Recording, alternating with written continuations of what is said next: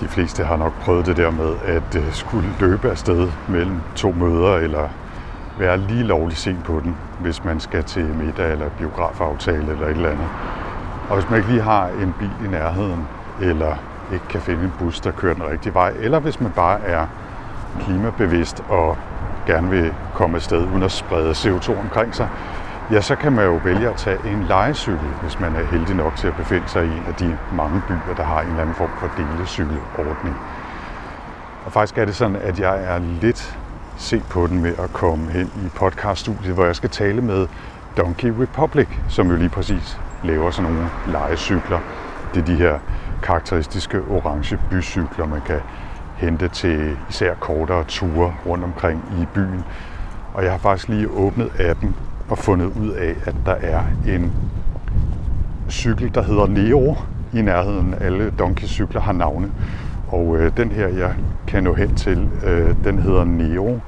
Og øh, den regner jeg så med at kunne lege og komme hen i studiet i god tid. Men en af de udfordringer, som der er for sådan nogle legecykelvirksomheder, og også for virksomheder, der har el, løbehjul og den slags, det er, at man jo helst skal sørge for, at cyklerne er der, hvor der er brugere til dem. Og det er faktisk ikke helt trivielt problem at løse. Og det er altså en af grundene til, at øh, Donkey Republic har henvendt sig til AI Danmark for at få hjælp til at takle den udfordring. Og så kan jeg se, at øh, den orange Nero-cykel står her, så jeg må hellere se at øh, komme afsted.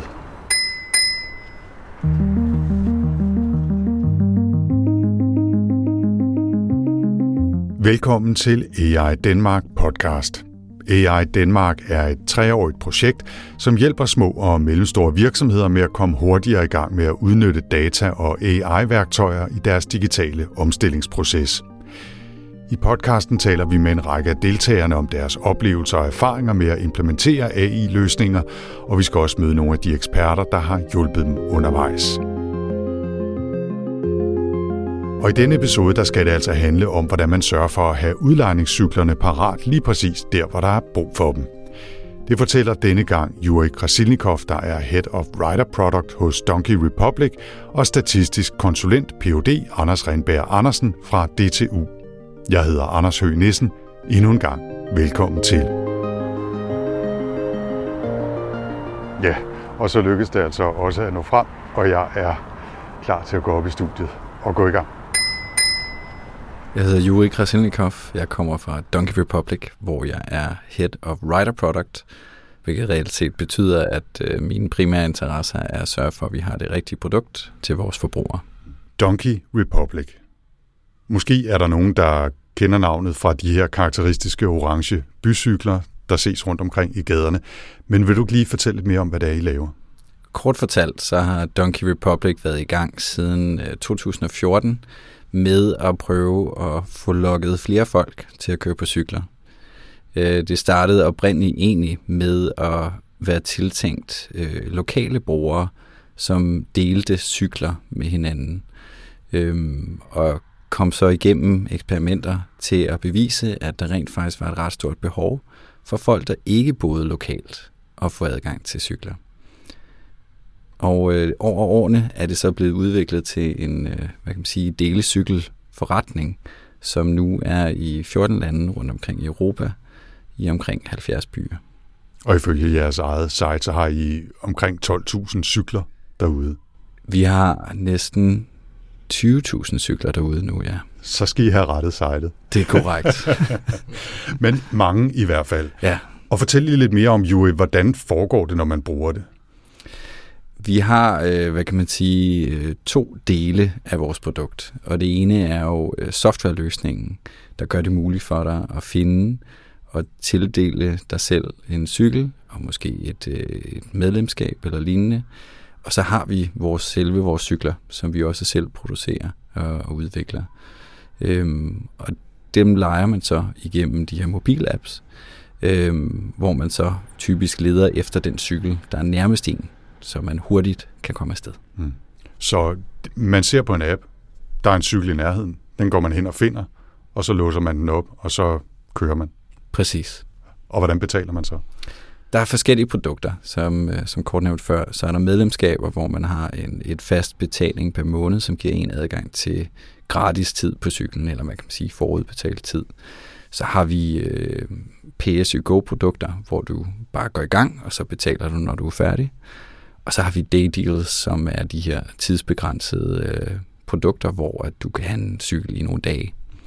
Typisk et turistprodukt. Hvor meget kører folk?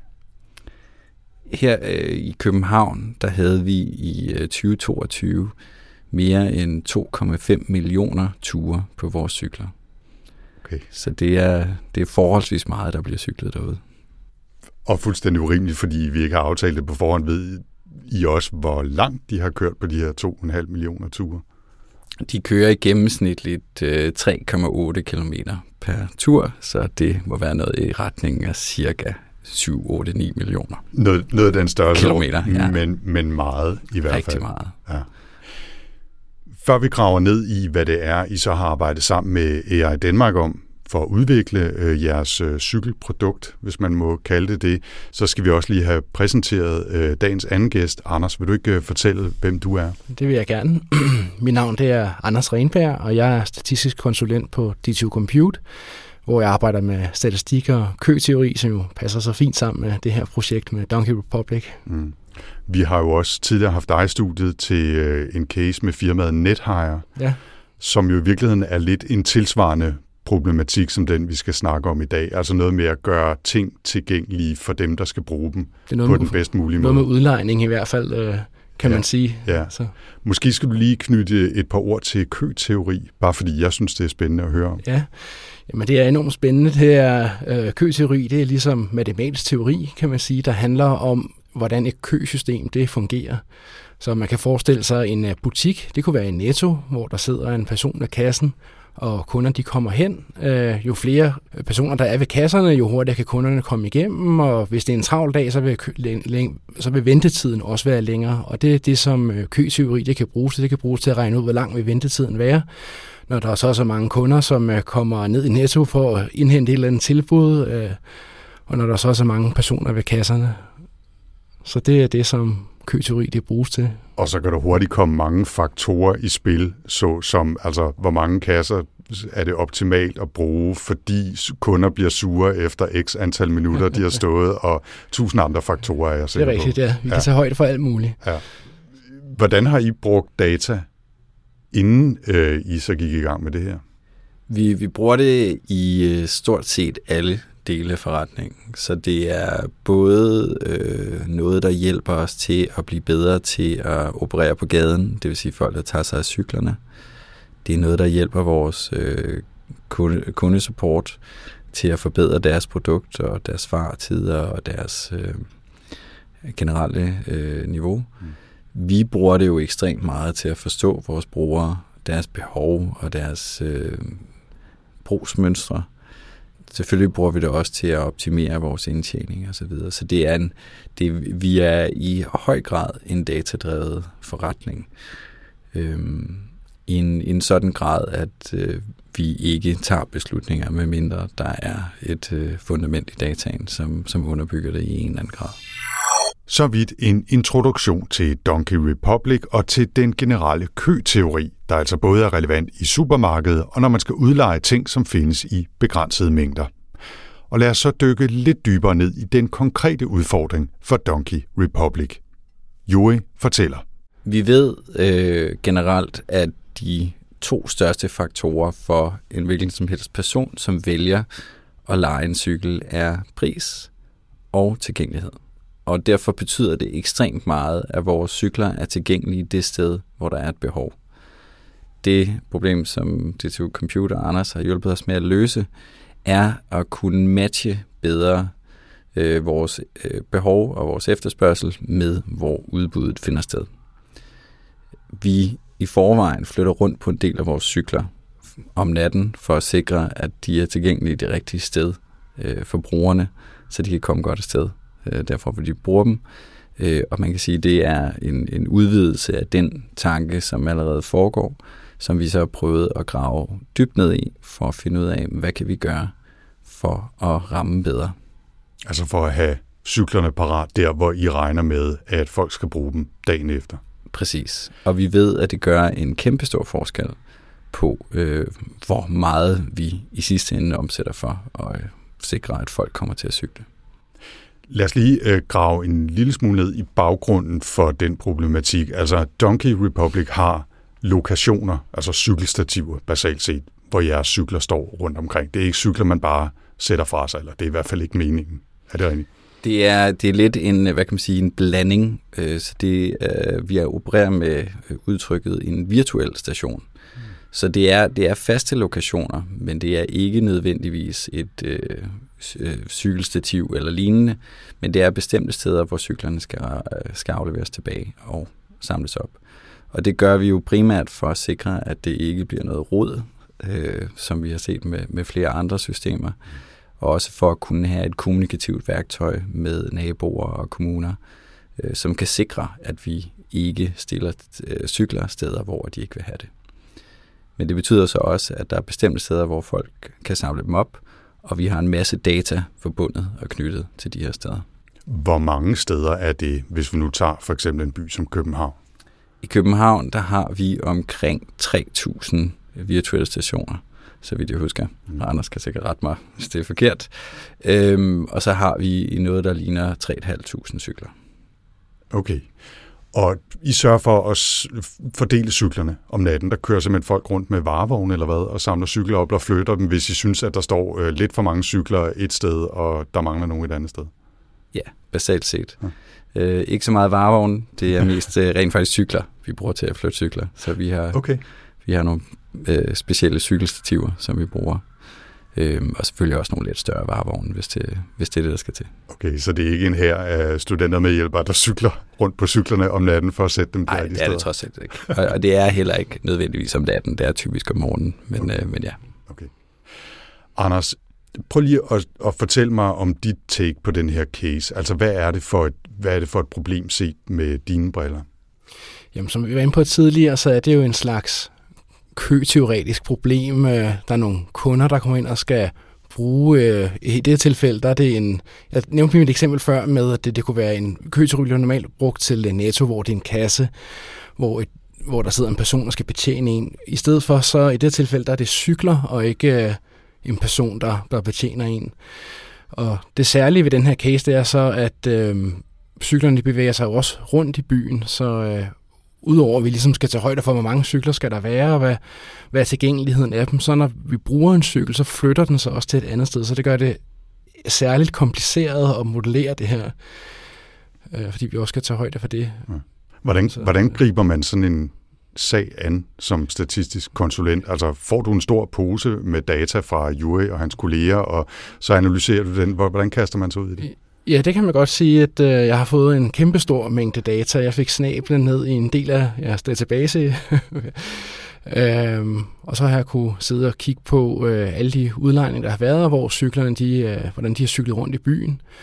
Og så det, som jeg konkret har gjort ud for det, det er, at jeg har lavet en, øh, en simulation af, hvordan folk de cykler rundt. Altså en digital refleksion af, hvordan virkeligheden ser ud. Og den har jeg så brugt til at teste forskellige øh, strategier på, rebalanceringsstrategier, og jeg har også brugt den til at øh, gøre det her såkaldte træning af algoritmer, sådan så algoritmerne kan lære, hvordan er den bedste måde at fordele cykler på. Og så ideen har så været, at, at Donkey Republic så bagefter kunne bruge de algoritmer i virkeligheden til at lave en god balancering af cyklerne. Så du har, nu skal jeg lige være sikker på, at jeg har forstået det rigtigt, altså du har set, hvordan er cyklerne blevet brugt? Øh, hvordan har folk kørt på dem? Hvor har de været henne? Og så har du forsøgt at lave, eller I har forsøgt at lave øh, forskellige strategier for, hvordan fordeler vi de her cykler bedre, så, de, så der, hvor cyklerne er, bedre matcher der, hvor de skal bruges. Er det rigtigt? Ja, jeg har, både, jeg har både testet nogle strategier, hvor jeg tænkte, det her det må være en god strategi. Og så har jeg også testet nogle algoritmer, som selv finder ud af, kan man sige, hvad er en god strategi, hvor jeg ikke ligesom er inde og styrer processen. Altså hvor det eneste, jeg styrer, det er, at jeg ligesom sætter systemet op, øh, sådan så det reflekterer virkeligheden så godt som muligt. Så det er det, og så ud fra det har jeg forsøgt at udpege nogle metoder, der formentlig vil være de bedste. Når, når øh, den her algoritme forhåbentlig på et eller andet tidspunkt kører, I har jo et eller andet system, der, der gør nogle af de her ting i forvejen, men, men lad os nu antage, at det bliver lidt mere automatiseret og algoritmestyret. Betyder det, at dem, der skal flytte cyklerne, simpelthen får mere konkrete beskeder om, at der står x antal cykler der, og de skal derhen, og det vil være mm, bedre end den måde, det fungerer på nu? Det gør de som sådan allerede. Mm. Man kan sige, at det helt store paradigmeskift i det her kontra det, vi gør i forvejen, det er, at vi øh, flytter til en øh, model, som er bygget på baggrund af simulation, hvor at vores eksisterende modeller er reelt set bygget på baggrund af indtjening per lokation. Så det er, det er en, en, hvad kan man sige, det er bygget på at optimere øh, revenue baseret på historisk data. Så den er, det er en, en, en simplistisk model sammenligneligt i forhold til den anden.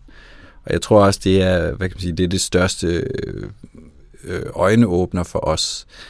Det er jo at se mulighederne i at bruge øh, simuleringen af begivenheder til at afprøve strategier. Nu er det rebalanceringen i det her tilfælde af cyklerne, men det kunne også være prissætning, det kunne være andre ting, man ligesom kunne afprøve øh, gennem øh, simulation. Og det, er, det synes vi er super interessant.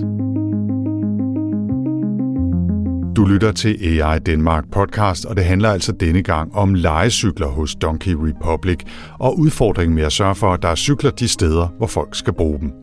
En udfordring, der i øvrigt kræver forskellige justeringer af algoritmerne, afhængig af hvilken by man befinder sig i, hvordan vejret er, hvilken tid på året man har og mange andre faktorer. Donkey Republic er ikke en kæmpestor virksomhed med dusinvis af AI-udviklere. Det er primært Juri Krasilnikov og hans kollega Nikolaj Holst, som er Head of Business Intelligence, der har kørt projektet i firmaet, sammen altså med statistisk konsulent Anders Renberg Andersen fra DTU og AI Danmark. Det betyder også, at de har kunnet arbejde rimelig agilt med pilotforsøget. Ikke mindst fordi Donkey Republic allerede inden AI Danmark-projektet har haft gode erfaringer med at bruge data til at udvikle deres forretning. Jeg ser på det, øh, og virksomheden generelt ser på det som, som en af de primære måder, vi kan optimere vores produkt på i en ret stor grad, med forholdsvis lille indsats og uden indkøb af nyt materiel. Det er reelt set bare at sikre, at de ting, vi allerede har på gaden, bliver brugt til nogle flere mennesker. Og det gør selvfølgelig, at vi tjener nogle flere penge, hvilket altid er rart. Men vores primære formål er jo at få folk til at køre på cykel. Så det har primært været, været mig og øh, Head of BI, Biz Intel, som har drevet den her projekt, men primært øh, Biz Intel, som har været den store dataleverandør. Men altså, så det er, ikke, det er ikke en stor afdeling, der er involveret i det her, men til gengæld er der jo så fokus på det, kan man sige, hos jer der er fokus på det, og, og, og det kan være, at Anders kommer lidt ind på, på nogle af resultaterne, og hvad de viser af potentiale. Men det er også klart, en, altså det er en, en, en væsentlig faktor, som rent faktisk kan gøre en stor forskel. Nu er I jo så to heads, så I har en vis øh, øh, beslutningskraft, tænker jeg, i organisationen. Er det noget, I har skulle argumentere for over for nogle af jeres kolleger, øh, eller, eller har alle været enige om, at det var et interessant projekter kaste sig ud i? Eftersom vores egne små spadestik, øh, vi allerede har foretaget, øh, har vist sig at gøre en ret stor forskel, så var der ligesom allerede afdækket et potentiale i projektet, til trods for vores, øh, kan man sige, manglende viden omkring, hvordan vi bedst optimerede det her. Så, så der var vist, der var et påviseligt potentiale. Øhm, som allerede gav afkast på, på, øh, på nuværende tidspunkt. Så, så der var bred, der er bred enighed, kan man sige, i ledelsen om, at det her det er meget interessant. Hvis man kan vise en effektivisering eller en øget indtjening, så er det som regel nemmere at komme videre med sine projekter, det er helt sikkert. Anders, øh, de algoritmer, øh, du har arbejdet med her, hvad, hvad er det for nogle øh, effektiviseringsforbedringer, vi ser hen mod her øh, potentielt? Altså, hvilken størrelsesorden taler vi om? Mm. Altså det, som jeg konkret er gået efter her, det er at maksimere den gennemsnitlige ugentlige udlejningstid. Og øh, ifølge min simulation, så kan øh, det tal, det kan vokse med 20 procent sammenlignet med den nuværende strategi, hvis, hvis øh, algoritmen den bliver brugt ifølge simulationen. Det, det, er, jo, det er jo ret øh, pæne tal, må man sige. Altså en femtedel oveni. Det er rimelig betydeligt. Og, øh, jo nikker. det, det kan være, ja. I den her simulation, der har vi ikke taget højde for sæsonudsving. Øh, det har vi ikke tid til at modellere. Så derfor så simulationen, den tager sådan en, det er sådan en gennemsnitlig lige betragtning hen over hele året, så potentialet kunne, det vil nok måske være større om sommeren og mindre om, om vinteren, som mm. Juri også lige var inde på. Men cirka så, i den størrelsesorden, altså? Det er jo formodentlig, hvad den størrelsesorden er, så det bliver meget interessant at og se, om det også bliver ført ud i virkeligheden. Ja. Og det er vel at mærke ikke, at vi tilfører flere ressourcer til området. Det er at gøre det, vi gør i forvejen, med en anden strategi. Mm. Det er jo der, det for alvor bliver interessant, kan man sige. Ikke? Altså hvis I skulle til at smide øh, en, en bunke penge efter, hvad ved jeg, flere, der skulle flytte rundt på cyklerne, eller have flere cykler, så blev den effektivisering jo hurtigt spist, kan man sige. Ikke? Men det er et interessant potentiale her, ikke? altså 20 procent plus minus, og med nogle øh, sæsonudsving her. Ja. Og, og det er du sådan relativt sikker på, føler du dig tryg ved dine algoritmer? Kan vi vil lige bede Jue om at lukke ørerne et øjeblik, hvis det er. Ikke? Men... Jeg føler mig ret tryg ved, at det giver en forbedring, men jeg kan ikke love, at det lige bliver 20 procent. Men jeg vil selvfølgelig, hvis det bliver 20 procent, så øh, vil jeg nok sige, I told you. ja, så, så tager du hele æren. ja. det, det er klart. Det er klart, ja. ja. Lige nu der sidder vi, og det er midt i marts. Hvad er den aktuelle status øh, for det her projekt? Øh, jo, nu kigger jeg på dig igen.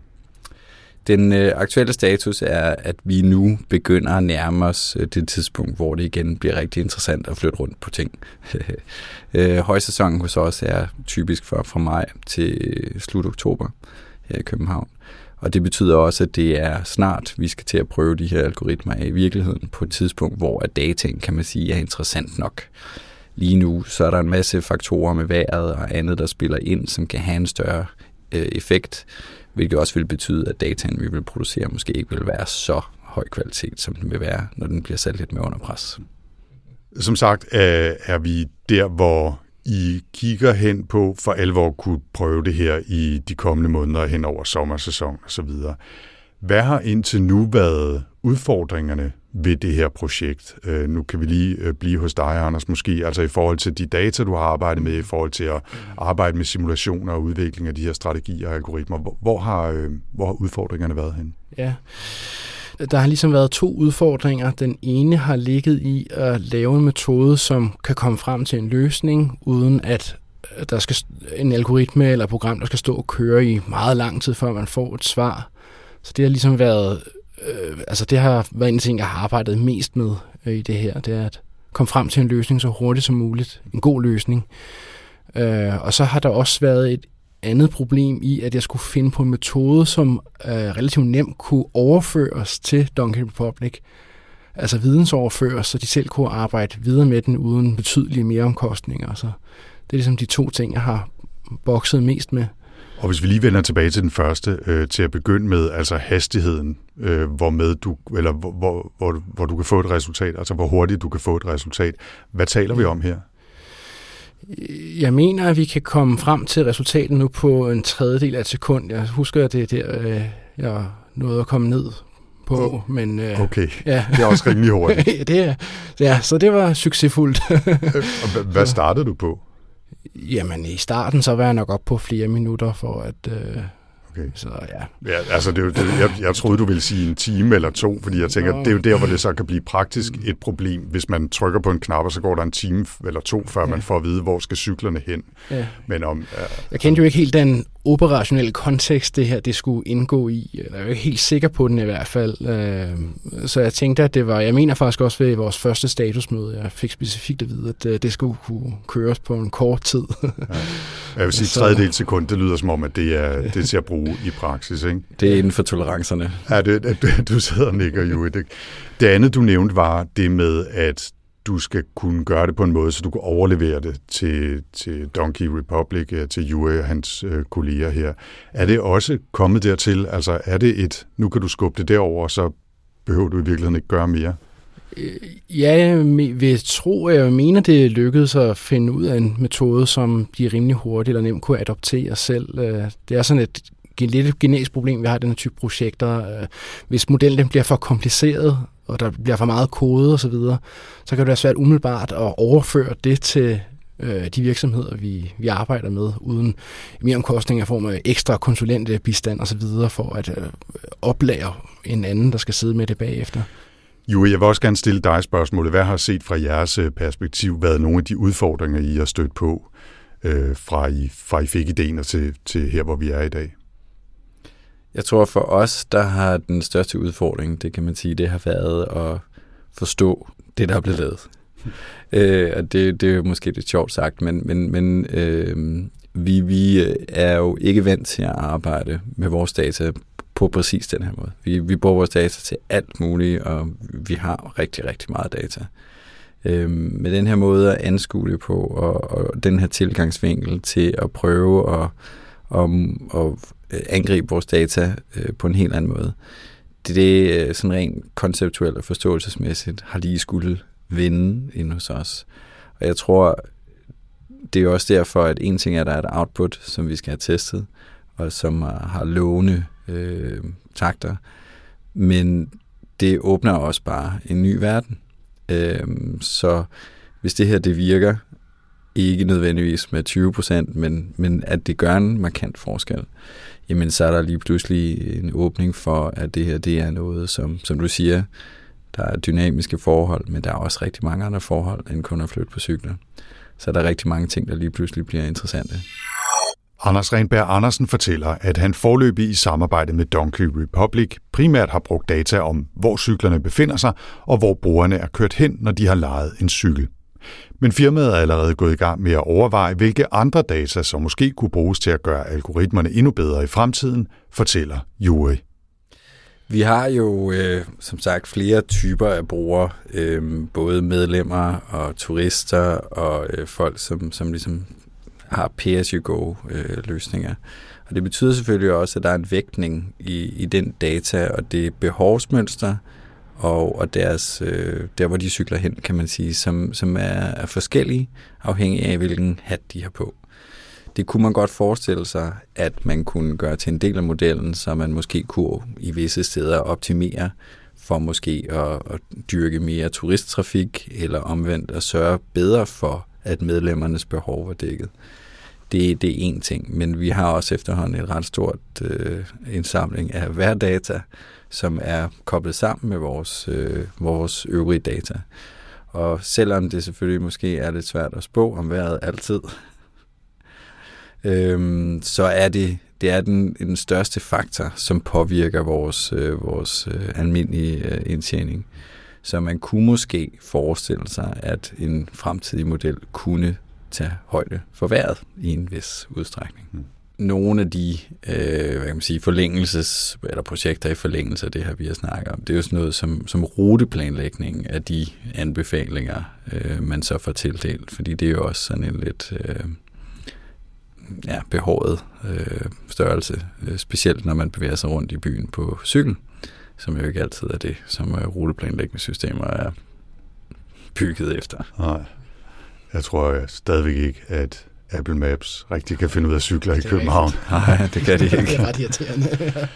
Men det kunne være interessant at kigge i, at ikke bare får vi at vide, at der skal være x antal cykler på nogle virtuelle stationer et eller andet sted, men også, hvordan kommer de hurtigst og nemmest derhen? Er det, ja, er det fordi, vi, ja, fordi hvis du, hvis du forestiller dig en fremtid, hvor systemet, kan man sige, bliver mere og mere dynamisk, og som man kan sige, algoritmen tager ikke flere minutter at køre eller timer, øh, så kunne man jo forestille sig, at det her det var noget, der skete on the fly med folk på gaden. Øh, og der ville det gøre en kæmpe forskel, hvis den også kunne give en, øh, eller hvis noget kunne give en, en bedre planlægning af, hvordan man så rent faktisk får optimeret tidsforbruget i forhold til at udføre opgaven.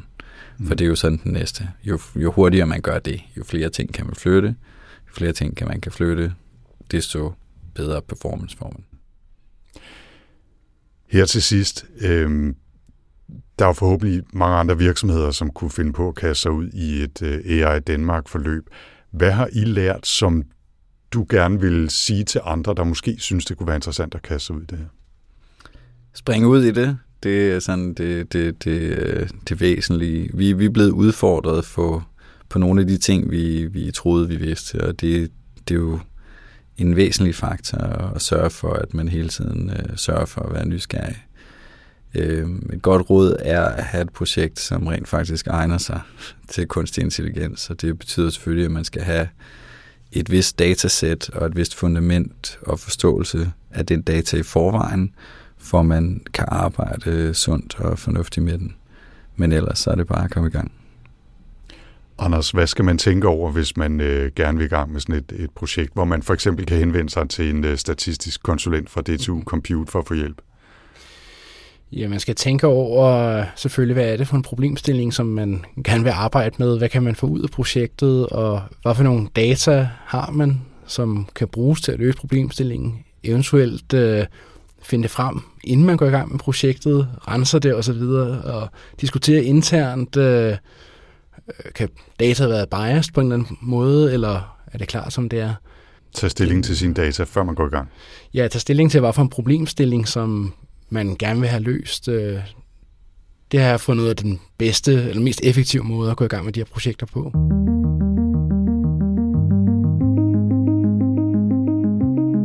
Med det slutter denne episode af AI Danmark podcast. Partnerne i AI Danmark er Teknologisk Institut, Alexandra Instituttet, Aalborg Universitet, Danmarks Tekniske Universitet, Københavns Universitet, IT-universitetet og Innovation Center Danmark, Silicon Valley. Industriens Fond har støttet projektet, som løber over tre år. Hvis du vil vide mere om AI Danmark og hvordan AI kan styrke din virksomhed, eller er du nysgerrig efter at blive en del af projektet, så kan du besøge aidanmark.dk eller finde AI Danmark på LinkedIn. Husk at lytte de øvrige episoder af AI Danmark podcast, hvor du kan møde andre danske virksomheder og lære af deres konkrete erfaringer med at arbejde med kunstig intelligens i praksis. I denne episode medvirkede Juri Krasilnikov, Head of Writer Product hos Donkey Republic, og statistisk konsulent Ph.D. Anders Renberg Andersen fra DTU. Jeg hedder Anders Høgh Nissen. Tak for denne gang.